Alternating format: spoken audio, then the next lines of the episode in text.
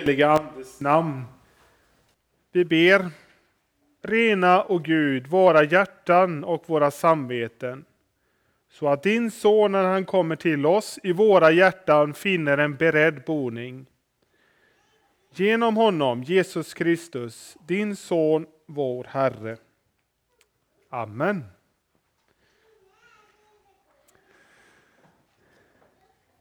I första Korintierbrevet, det tionde kapitel, vers 16 och 17 läser vi Välsignelsens bägare som vi välsignar, är den inte gemenskap med Kristi blod?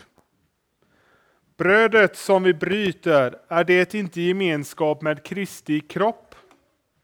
Eftersom brödet är ett, är vi som är många en enda kropp. För alla får vi del av ett och samma bröd. Idag, på den 18 söndagen efter trefaldighet, så bjuder oss Herren till sin heliga bordsgemenskap, den heliga nattvarden. Och den är helig eftersom det är han som helgar den. Han har offrat sin kropp och sitt blod för oss till syndernas förlåtelse. För att vi genom honom ska kunna stå rena och heliga. Det är på grund av honom som vi kan tala om en helig gemenskap. Och det är på grund av honom som aposteln kan skriva när han skriver både brevet till, först, till församlingen i Korint men också i flera av andra nytestamentliga breven så talas det om de kallade och heliga. Alltså de kristna tilltalas som de heliga. Och understryker aposteln som helgats i Kristus Jesus. Så vi är en helig gemenskap. Vi som genom dop dopet och tron och bekännelsen till Jesus Kristus har samman med honom. Vi är en helig gemenskap. Inte i oss själva eller på grund av oss själva, utan på grund av han som helgar oss. Brödet och vinet som vi tar emot i nattvarden, det är Kristi kropp och Kristi blod, försäkrar aposteln om oss. Det är verkligen så. Lika påtagligt som det som du har runt omkring dig som också är döpta och bekänner sig till Jesus Kristus är Kristi kropp. För om detta vittnar också aposteln om, till exempel i första Korintierbrevets tolfte kapitel. Så alltså Kristi kropp, den möter oss både i brödet vid nattvardsbordet och i mina bröder och systrar runt omkring mig. Detta hör samman. I första Korintierbrevets elfte kapitel, alltså mittemellan de här två kapitlen som vi nu har talat om inledningsvis, så varnar aposteln för att den som inte urskiljer Herrens kropp, han äter och dricker en dom över sig. Dessa allvarsord som, vi ska, som också vi behöver ta på allvar, det påminner oss om att natt, nattvarden eller måltiden vi får del av, det är inte bara bröd och vin, alltså som vilken annan måltid som helst, en vanlig måltid. Utan det är också Kristi dyrbara kropp och blod som Jesus har utgivit och utgjutit för oss, för dig. Det behöver vi betänka när vi går till den heliga nattvarden. Det är en välsignad måltid. Men Paulus varningsord påminner oss också om att vi bär ett gemensamt ansvar för varandra i Kristi kropp. Alltså vi som genom dopet och tron tillhör honom. Och detta ger anledning till självprövning idag. Hur har jag tagit vara på Kristi kropp, mina bröder och systrar i tron? Och så som Paulus då varnar för att för att inte dricka en dom över oss behöver vi pröva oss inför denna fråga och bekänna för Herren där vi får erkänna att det har blivit fel, att vi har syndat. Hur har jag tagit vara på min kallelse i Kristi kropp? Att vara närvarande, att se till min broder och syster. I Hebreerbrevet talas det om att se efter att inte någon blir efter på vägen. Och betänker jag att i nattvarden är det Kristi kropp och blod som jag får ta emot i brödet och vinet. Bägge dessa frågor får vi pröva oss inför. Och ofta får vi erkänna att det ena lätt försummas och att det andra lätt blir slentrian. Men detta får vi nu bekänna inför Herren. Och dessutom får vi, om det finns anledning till det, söka upprätta de förbindelser som brustit i Kristi kropp till, till följd av vad jag har gjort mig skyldig till. Men för att denna försoning bröder och systrar emellan ska kunna vila på en god grund så behöver vi först och främst vända oss till honom som är den enda som kan göra allting nytt. Genom att vi bekänner vår synd och skuld och sedan för hans skull, för Jesu Kristi skull, får ta emot förlåtelsen. Så låt oss be och bekänna.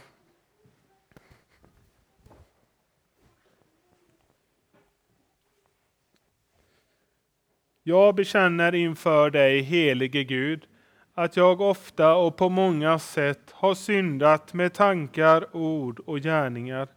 Tänk på mig i barmhärtighet och förlåt mig för Jesu Kristi skull vad jag har brutit. Herre, hör nu varje hjärtas tysta bekännelse.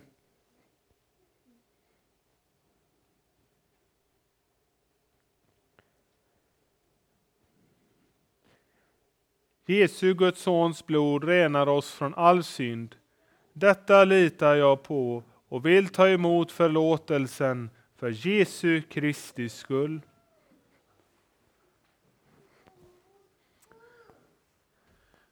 Begär du dina synders förlåtelse för Jesu Kristi skull, så är det kraft av Guds ord och löfte fast och visst att Gud av nåd förlåter dig alla dina synder och denna dina synders förlåtelse tillsäger jag dig på vår Herre Jesu Kristi befallning.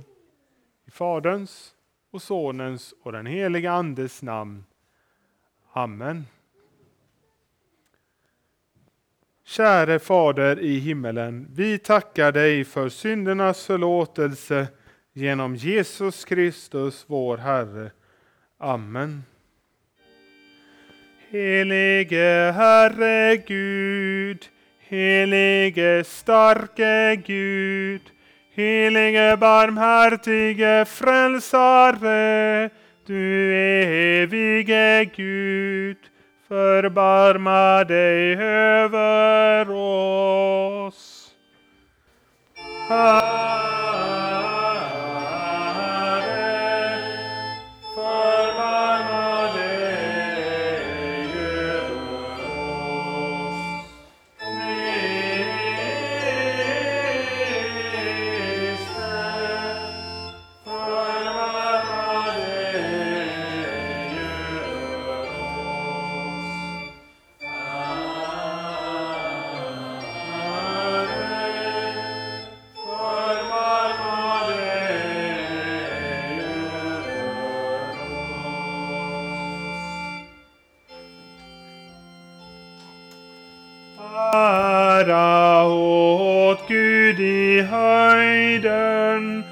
och frid på jorden bland människor som han älskar.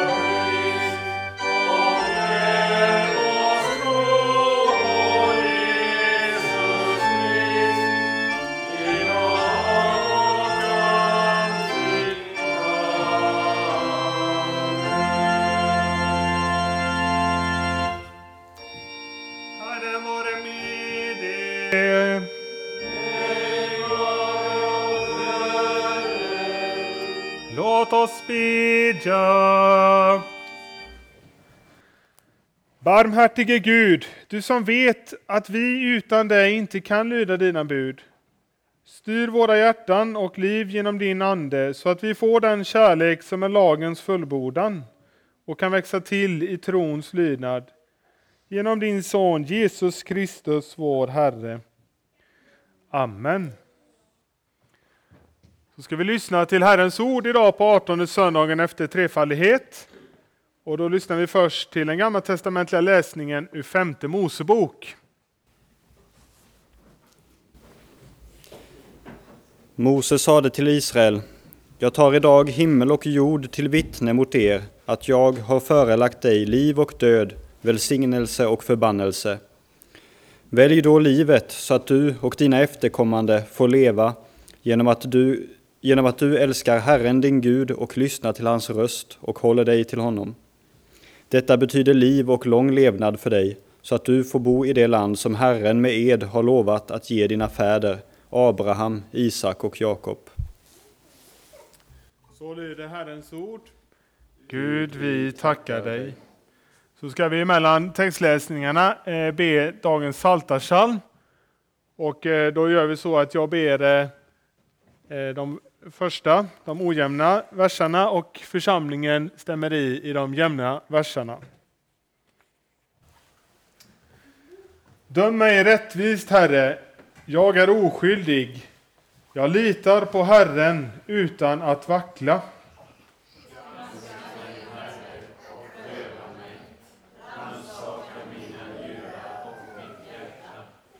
Jag har din nåd för ögonen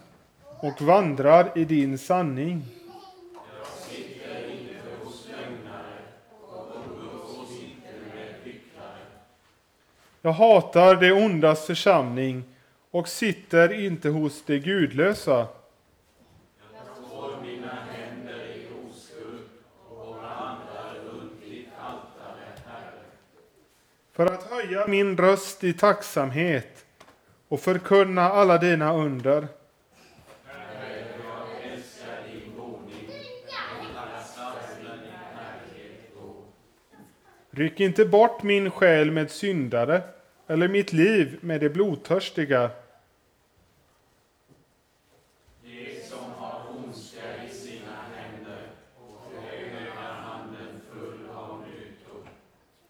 Jag är oskyldig, befria mig och förbarma dig över mig.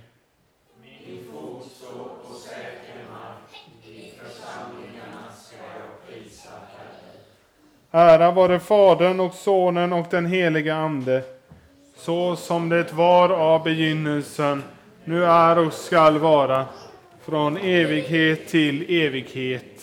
Amen.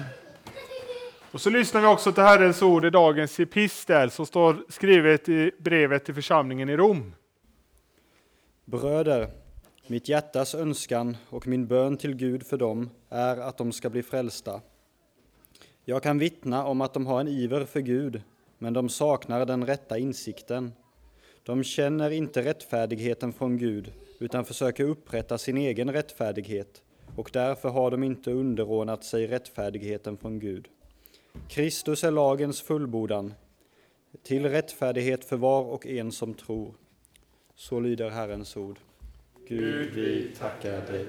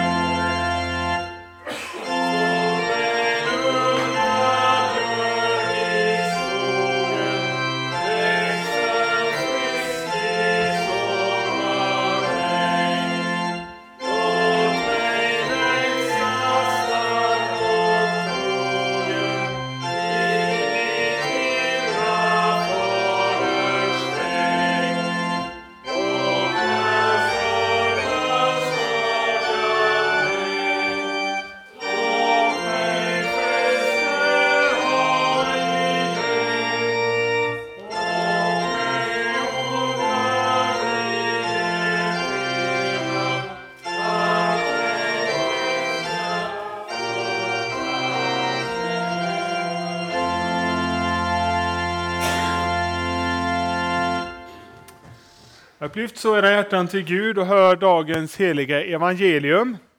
Så skriver evangelisten Markus. När Jesus skulle vandra vidare sprang det fram en man som föll på knä för honom och frågade Gode mästare, vad ska jag göra för att få evigt liv? Jesus sade till honom Varför kallar du mig god? Ingen är god utom Gud. Buden kan du. Du ska inte mörda. Du ska inte begå äktenskapsbrott. Du ska inte stjäla. Du ska inte vittna falskt. Du ska inte ta ifrån någon det som är hans. Hedra din far och din mor. Mannen sade, Mästare, allt det har jag hållit sedan jag var ung. Jesus såg på honom med kärlek och sade, ett saknar du. Gå och sälj allt du äger och ge till de fattiga. Så kommer du att ha en skatt i himlen. Kom sedan och följ mig. Vid de orden mörknade mannen och gick bedrövad bort, för han ägde mycket. Jesus såg sig omkring och sade till sina lärjungar hur svårt är det inte för dem som har pengar att komma in i Guds rike?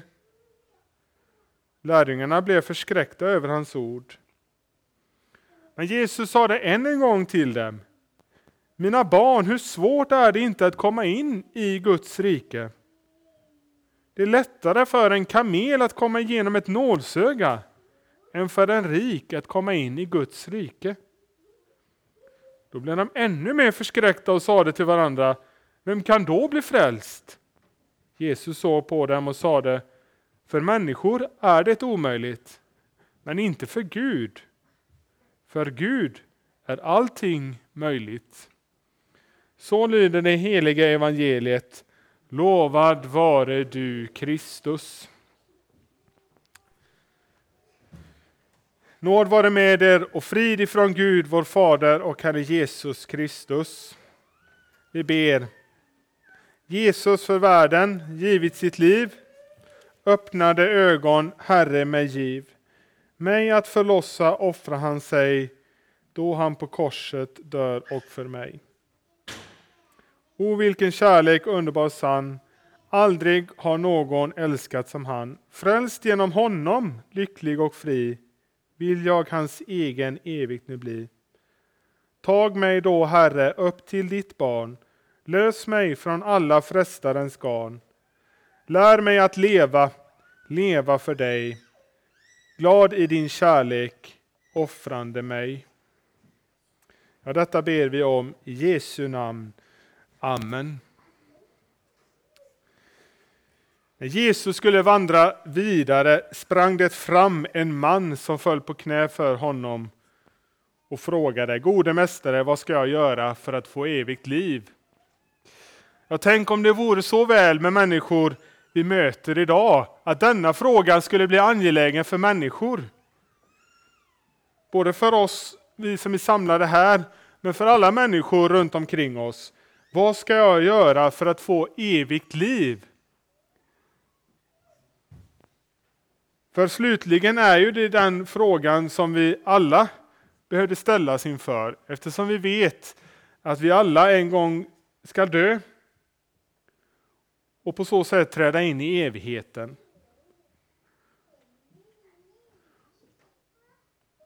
Och Guds ord lär oss att det liksom finns ett samband mellan livet här på jorden och hur vi ska tillbringa evigheten.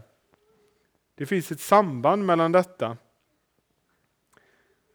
Och Det är bland annat det som vi hörde om Mose i det gamla testamentet, där han talar om detta, att jag har förelagt dig liv och död välsignelse och förbannelse. Det finns två val. Och, det, och hur valet faller ut, det påverkas redan i detta livet.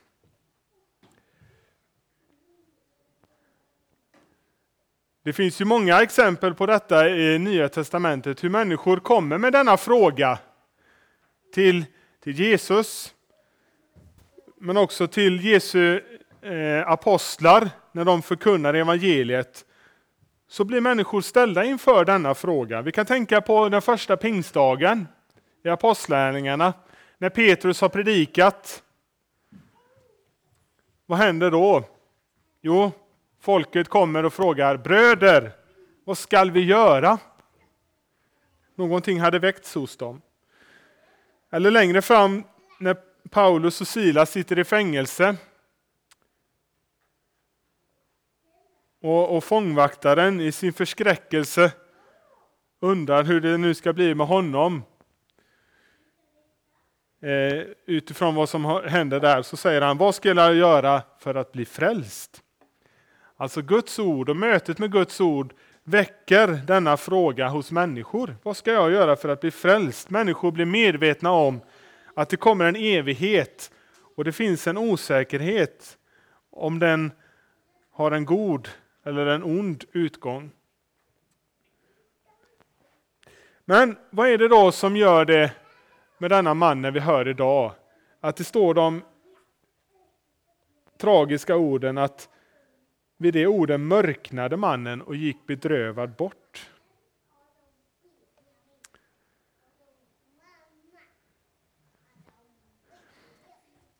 Så nära himmelriket själv, Jesus Kristus, och så ändå så står det att han gick bedrövad bort. Varför blev det så? Var det inte nog detta att han kom till Jesus och liksom var nära gemenskapen? För det är ju gemenskapen med Jesus som är det avgörande för att en människa ska kunna bli frälst. Nu och för evigt. Men vi förstår av mannens möte med Jesus att det egentligen inte var frälsning hos Jesus han sökte, utan det var bekräftelse. Bekräftelse över sitt eget liv, eller sin egen rättfärdighet som vi hörde talas om i pisten som Simon också läste ur Romarbrevet. Där det stod att de försöker upprätta sin egen rättfärdighet. Det var detta som mannen sökte bekräftelse för hos Jesus. Han säger i den frågan, han börjar med att säga till Jesus, gode mästare. Och på det sättet så är det liksom, det ligger i hans ord att gode mästare, här talar nu du och jag med varandra, vi goda människor. Jag som är god talar till dig, gode mästare. Och så kan vi komma till Jesus och liksom lyfta oss över mängden tycker vi oss gode mästare. Och så svarar Jesus, varför kallar du mig god? Ingen är god utom Gud. Alla har syndat och saknar härligheten från Gud. Ingen finns som gör det goda.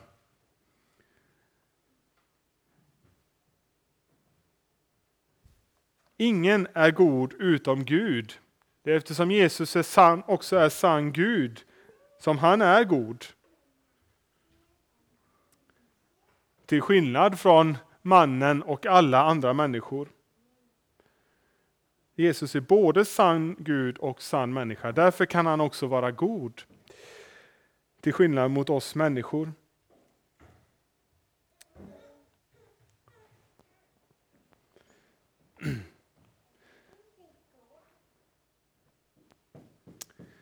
Mannen försökte upprätthålla sin egen rättfärdighet. Han såg inte behovet av frälsning. Han tyckte att han hade hållit buden som Gud hade gett i lagen. Mästare, allt det har jag hållit sedan jag var ung.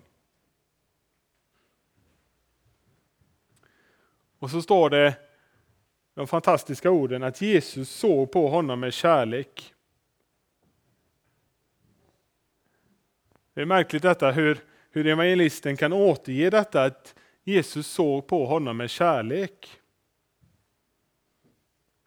Men han vill liksom verkligen stryka under detta att Jesus hade också en oändlig kärlek till också denne mannen som ville upprätthålla sin egen rättfärdighet. Jesus såg på honom med kärlek. Så älskade Gud världen att han gav den sin enda son för att var och en som tror på honom inte ska gå under utan ha evigt liv. Det var denna, med denna kärlek som Jesus såg på mannen. Och samtalet som utspelar sig mellan Jesus och den rike mannen det är liksom en verklig drabbning mellan den kärlek som vill frälsa och den egenkärlek som ingen frälsning ser sig behöva. Just därför att Jesus fick kärlek till honom så kunde han liksom inte bara bekräfta honom i hans eget liv, i hans egen rättfärdighet. Utan han var tvungen att krossa mannens självbild för att försöka dra honom till sig. Mannens egen förtröstan och kärlek till pengar den var större än förtröstan till Gud och hans nåd och omsorg.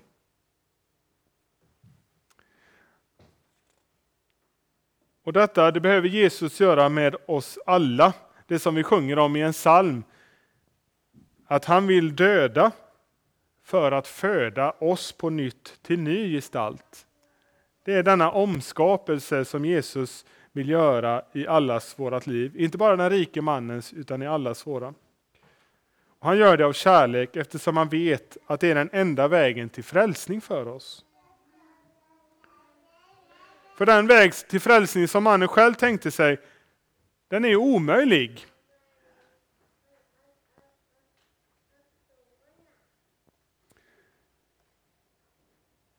På liknande sätt så gör vi oss människor bilder av hur en god människa ska vara och tänker att det måste räcka så. Gud, mer kan Gud inte begära av mig. Detta är den naturliga människans inställning till Gud och evigheten. Har jag gjort någorlunda gott så är allt gott och väl. Vad mer kan man begära?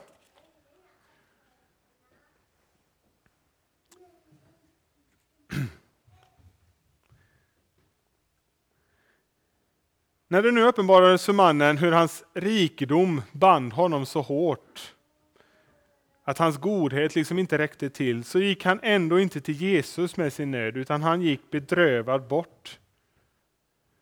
Likt Judas Iskariot.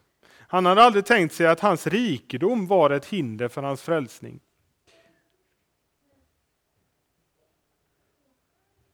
Var inte rikedomen en välsignelse från Gud? Och är det inte också så idag att rikedom är en gåva och välsignelse från Gud? Jo, så är det. Allt vad vi äger och har, det är en gåva från Gud. Men med rikedomen följer också ett stort ansvar att bruka det pund man fått på ett gott sätt. Men rikedomen är inte och kommer aldrig bli ett mått på frälsning. Tänk på vad Jesus säger till församlingen i Laodicea. Du säger, jag är rik, jag har vunnit rikedom och behöver ingenting. Och du vet inte att just du är eländig, beklagansvärd, fattig, blind och naken. För när allt kommer omkring, när vi står inför evigheten, så kan de jordiska tillgångarna inte hjälpa oss.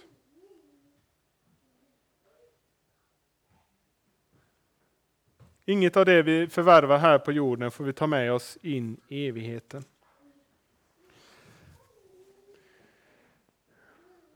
Är det så då att Jesus med dessa orden vill uppmana oss till ett liv i fattigdom och enkelhet?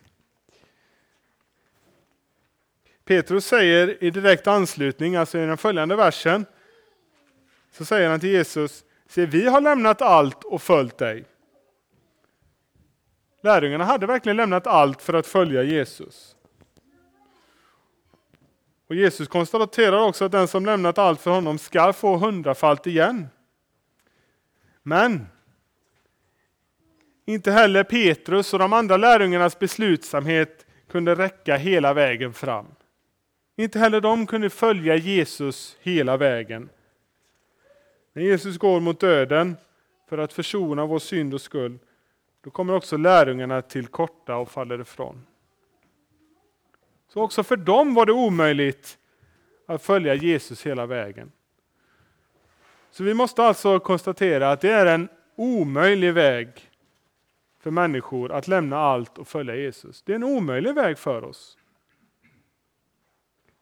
Människan som vi är av naturen förmår inte att förlita sig helt och fullt till Guds omsorg och hans kärlek så att vi kan lämna oss helt i hans armar.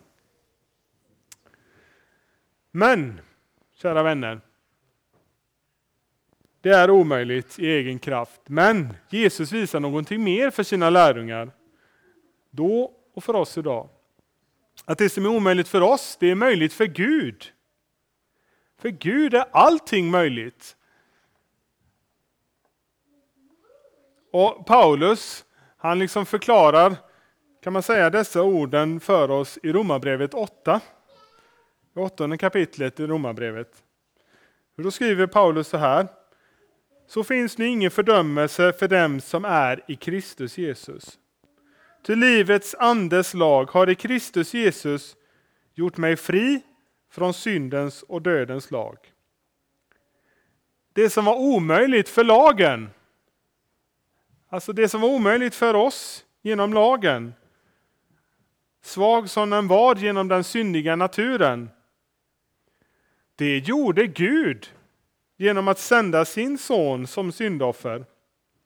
Han som till det yttre var lik en syndig människa. Och i hans kropp fördömde Gud synden.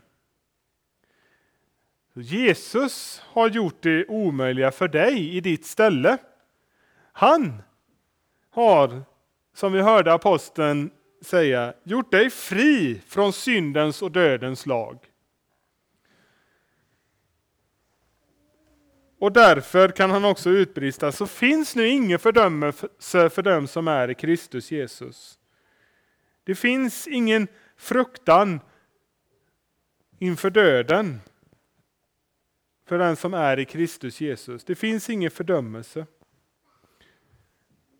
Det är en nåd, en gåva som skänks oss.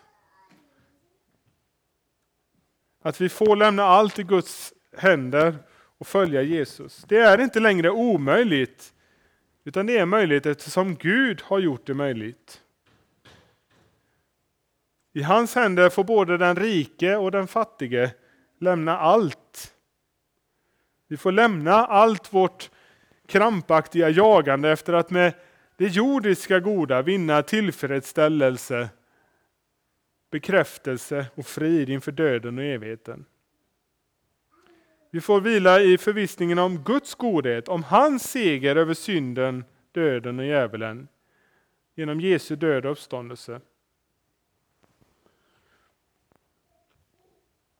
Det eviga arvet, det eviga livet, det är något som Jesus har gjort färdigt och det ligger förvarat åt oss. Så att vi kan sägas vara verkligt fria från syndens och dödens lag. Så vi har alltså sett att det i egen kraft är omöjligt att lämna allt och följa Jesus. Men också att det genom Guds nåd i Jesus Kristus ändå är möjligt att lämna allt och följa honom. Men hur är det då med vår tro och vår tillit? Om vi är ärliga mot oss själva så kan vi nog förstå mannens reaktion. Skulle han verkligen sälja allt han ägde och ge till de fattiga? Hur skulle han då själv klara sig? Tänker vi. Ja, med detta får vi ofta be med mannen som kom till Jesus med en stum ande. Jag tror, hjälp min otro. Det är verkligen en nåd. En nåd som Gud får verka in hos oss, att kunna lämna allt det jordiska, om Gud så vill, och följa honom. Augustinus en av kyrkofäderna lär ha sagt ungefär enligt följande. Allt som möter oss är antingen en tröst eller en prövning. Genom att sända prövningar och genom att själv bereda trösten för oss så vill Gud leda oss till att vi mer och mer sätter vår förtröstan och tillit till honom. Genom de prövningar som Gud sänder så ser vi ofta i ett senare skede i livet så som Hiskia vittnar om i Jesaja 38, att det som var bittert för mig blev till nytta.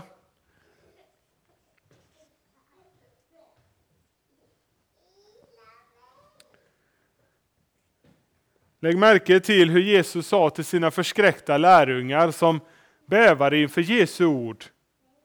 Hur svårt är det inte för dem som har pengar att komma in i Guds rike. Ja, lärjungarna blev förskräckta inför dessa ord och det kan vi förstå. Men Jesus sa till sina lärjungar då, liksom till oss idag, mina barn, mina barn. Barn, inte till en grym och elak far, utan till en verkligt kärleksfull och utgivande far. Inte behöver ni frukta eller sakna något. Blott en dag, ett ögonblick i sänder, vilken tröst var en som kommer på. Allt ju vilar i min faders händer. Skulle jag som barn väl ängslas då? Han som bär för mig en faders hjärta, han ju ger åt varje nyfödd dag dess beskärda del av fröjd och smärta, möda, vila och behag. Jesus säger, gör er inga bekymmer för ert liv, vad ni ska äta eller dricka, inte heller för er kropp, vad ni ska klä er med. Denna nåd, denna gåva från Gud som det verkligen är, att varje dag inte behöva frukta någon verklig fara utan kunna lämna allt i Guds händer. Det är något som vi behöver bli ständigt påminda om. Det är just därför som vi behöver slå vakt om vår bibelläsning och brödragemenskapen kring ordet och nattvarden. Att vi får låta detta vara vår ständiga viloplats. Den gröna äng som din herde vill föra dig till. För där hos honom så får du på nytt och på nytt se hur allt det som för dig själv och på egen hand var omöjligt, är omöjligt.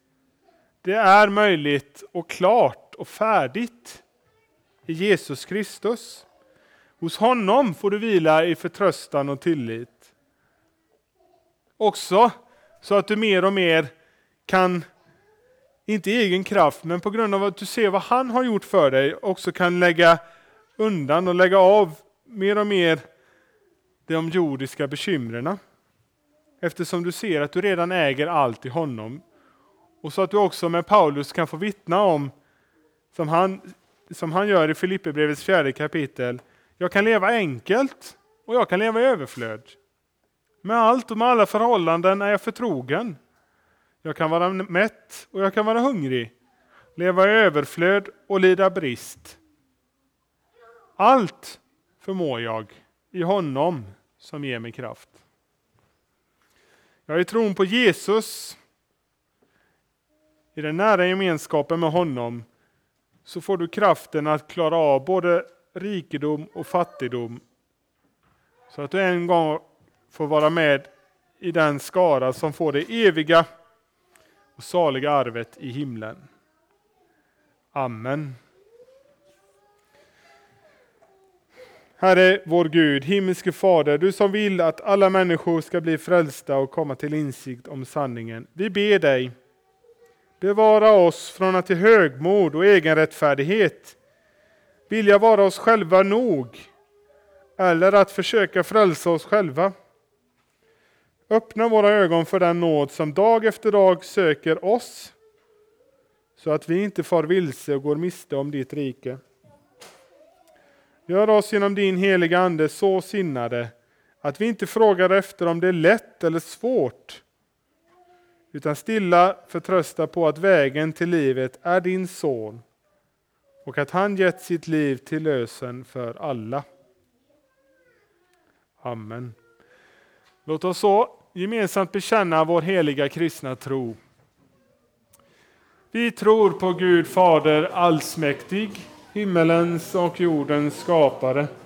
Vi tror också på Jesus Kristus, hans enfödde Son, vår Herre, vilken är avlad av den helige Ande, född av jungfrun Maria, pinad under Pontius Pilatus, korsfäst, död och begraven, nederstigen till dödsriket, på tredje dagen uppstånden igen ifrån de döda, uppstigen till himmelen, sittande på allsmäktig Gud faders högra sida, därifrån igenkommande till att döma levande och döda.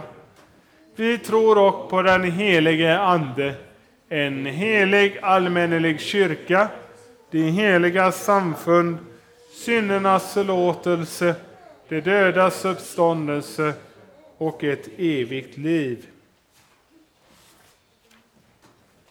Några pålysningar. Eh, idag ber vi att få ta upp kollekt till Helga Trefaldighets församling, alltså till vår församling här i Alvesta.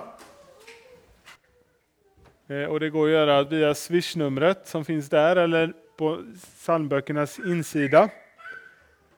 Eller också kontant. Eh, och det kan vi ta upp under salmen efter predikan. Och kanske Emily kan tänka sig hjälpa till med det. Eller, eller något annat barn som frivilligt anmäler sig.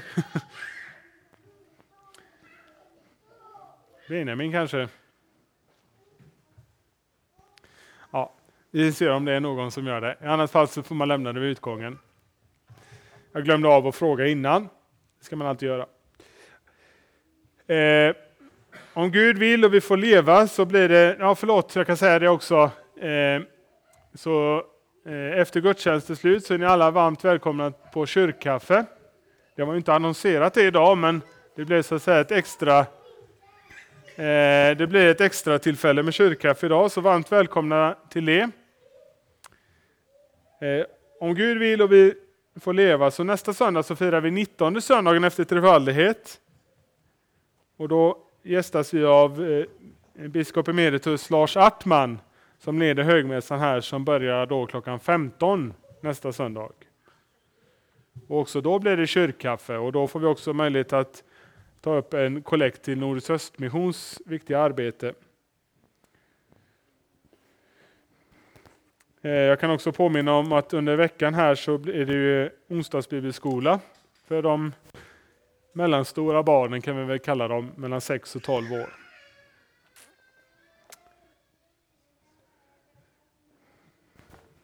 Så önskar jag er till sist att Guds frid som övergår allt förstånd bevarar era hjärtan och era tankar Jesus Kristus vår Herre. Amen. Så ska vi be kyrkans förbön.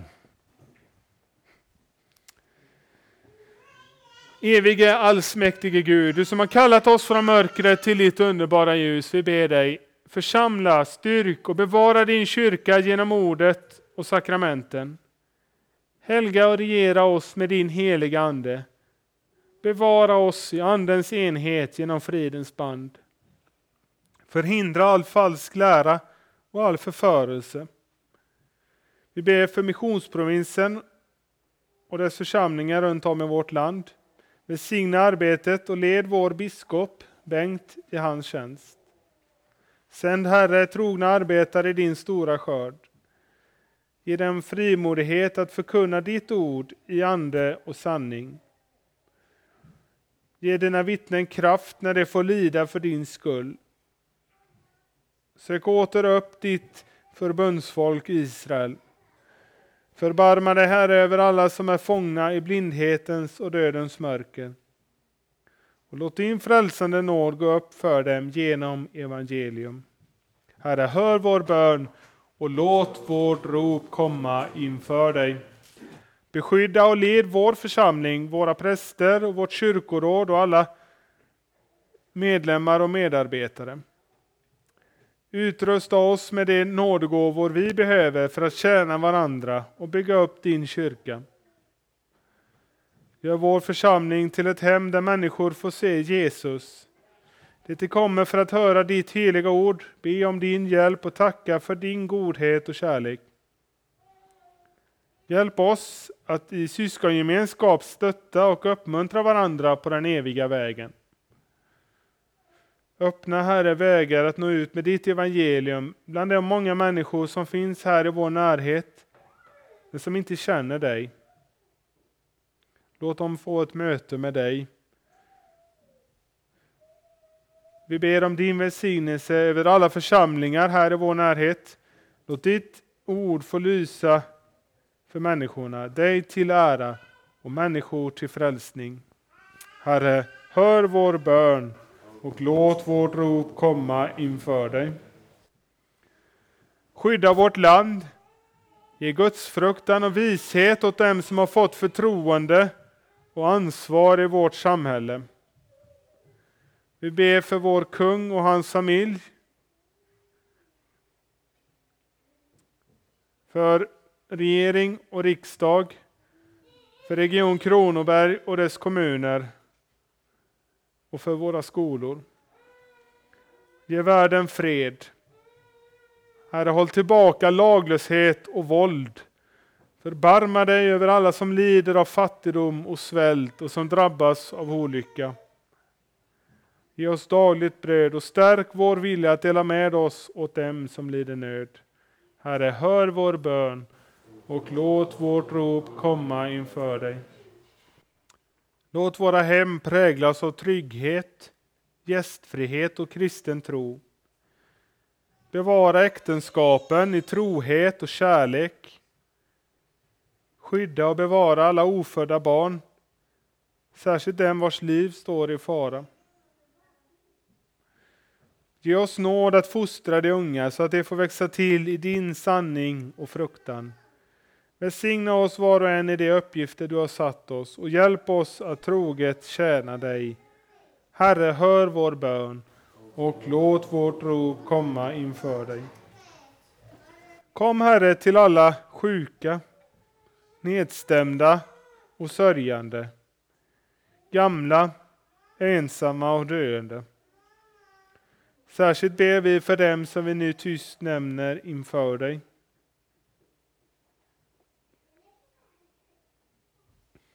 Sänd oss till dem som behöver vår omtanke och vårt stöd. Sök alla dem som är i fara att komma bort ifrån dig. Omvänd de vilsegångna. Gör oss alltid beredda att svara var och en som ber oss förklara det hopp vi äger. Herre, hör vår bön och låt vårt rop komma inför dig. Följ oss hela livet med din nåd, gör oss fasta i tron. Skänk oss efter detta förgängliga liv en evig salighet i kraft av Lammets blod. Med underbara bör gärningar bönhör du oss i rättfärdighet, du vår frälsningsgud. Därför ber vi om allt detta genom Jesus Kristus, din son, vår Herre. Amen.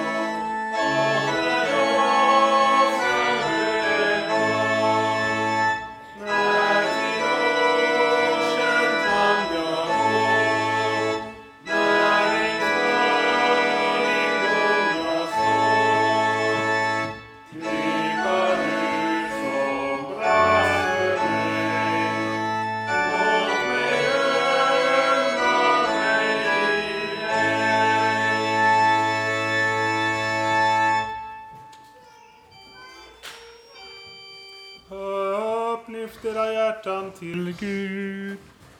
Vi upplyfter våra hjärtan. Låt oss tacka Gud vår Herre. Allena han är värd vårt tack och lov. Ja, sannerligen du ensam är värd vårt lov. Allsmäktige Fader, helige Gud. Dig vill vi prisa och välsigna genom Jesus Kristus, vår Herre.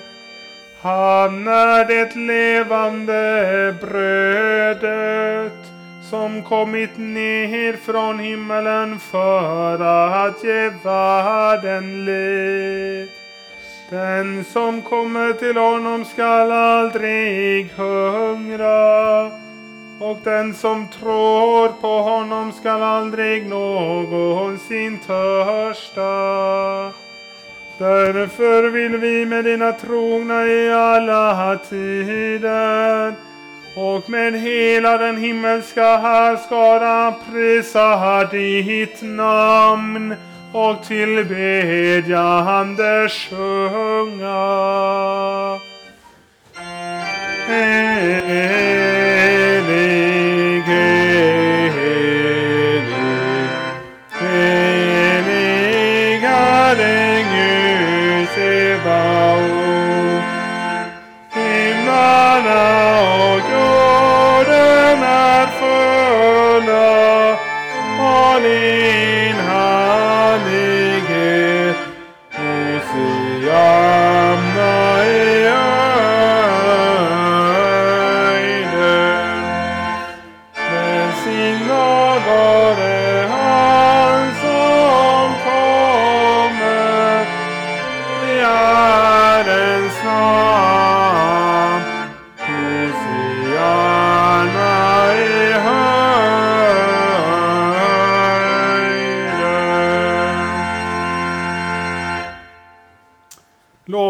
Lovad du, himmelens och jordens Herre, som omsluter hela skapelsen med din kärlek. Vi tackar dig för den frälsning som du skänkt oss genom Jesus Kristus. Bered oss genom din heliga Ande att ta emot honom när han kommer till oss i sin heliga nattvard. Den natt då han blev förrådd tog han ett bröd, tackade, bröt det och gav åt lärjungarna och sade Tag och ät. Detta är min kropp som blir utgiven för er. Gör detta till min åminnelse. Likaså tog han kalken, tackade och gav åt lärjungarna och sade Drick av den alla. Denna kalk är det nya förbundet genom mitt blod som blir utgjutet för många till syndernas förlåtelse. Så ofta ni dricker av den, gör det till min åminnelse. Din död förkunnar vi, Herre. Din uppståndelse bekänner vi till dess du kommer åter i härlighet. Himmelske Fader, vi tackar dig för att du skänker oss i denna måltid de välsignade frukterna av din Sons lidande och död, uppståndelse och himmelsfärd. Ge oss liv av hans liv, så att han förblir i oss och vi i honom. I den heliga Ande och med dina trogna i alla tider ber vi så som din son själv har lärt oss. Fader vår som är i himmelen. Helgat varde ditt namn. Tillkommer ditt rike. Ske din vilja så som i himmelen så och på jorden. Vårt dagliga bröd giv oss idag och förlåt oss våra skulder så som och vi förlåta dem oss skyldiga äro och inled oss inte i frestelse, utan fräls oss ifrån ondo. Ty riket är ditt och makten och härligheten i evighet. Amen.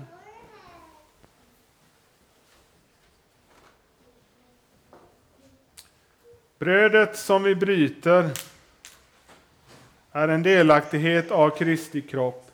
Så är vi, fastän många, en enda kropp, ty alla får vi del av ett och samma bröd.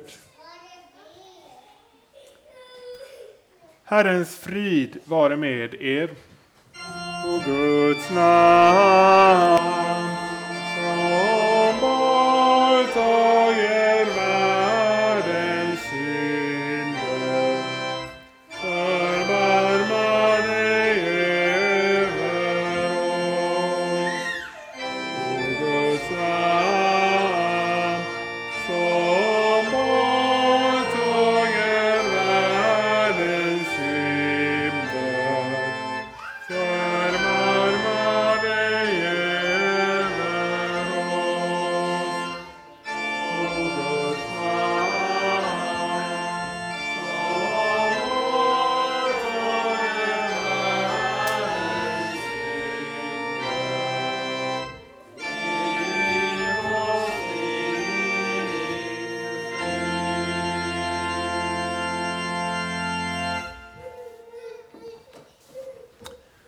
Välsignelsens bägare som vi välsignar är inte den gemenskap med Kristi blod. Saliga är de som är bjudna till Lammets bröllopsmåltid. Kom, nu är allt tillrätt. Låt oss tacka och be. Vår Gud och Fader, vi tackar dig som genom din Son Jesus Kristus har instiftat denna heliga nattvard till vår tröst och salighet. Vi ber dig, ge oss nåd att så fira Jesu åminnelse på jorden, att vi får vara med om den stora nattvarden i himmelen, för vår Herres Jesu Kristi skull. Amen. Låt oss tacka och lova Herren. Herren vare tack och lov.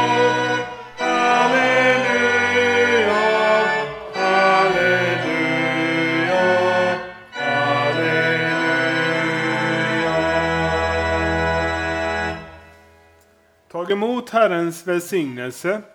Herren välsigne er och bevare er. Herren låter sitt ansikte lysa över er och vare er nådig. Herren vände sitt ansikte till er och give er frid. I Faderns och Sonens och den helige Andes namn. Amen, amen, amen.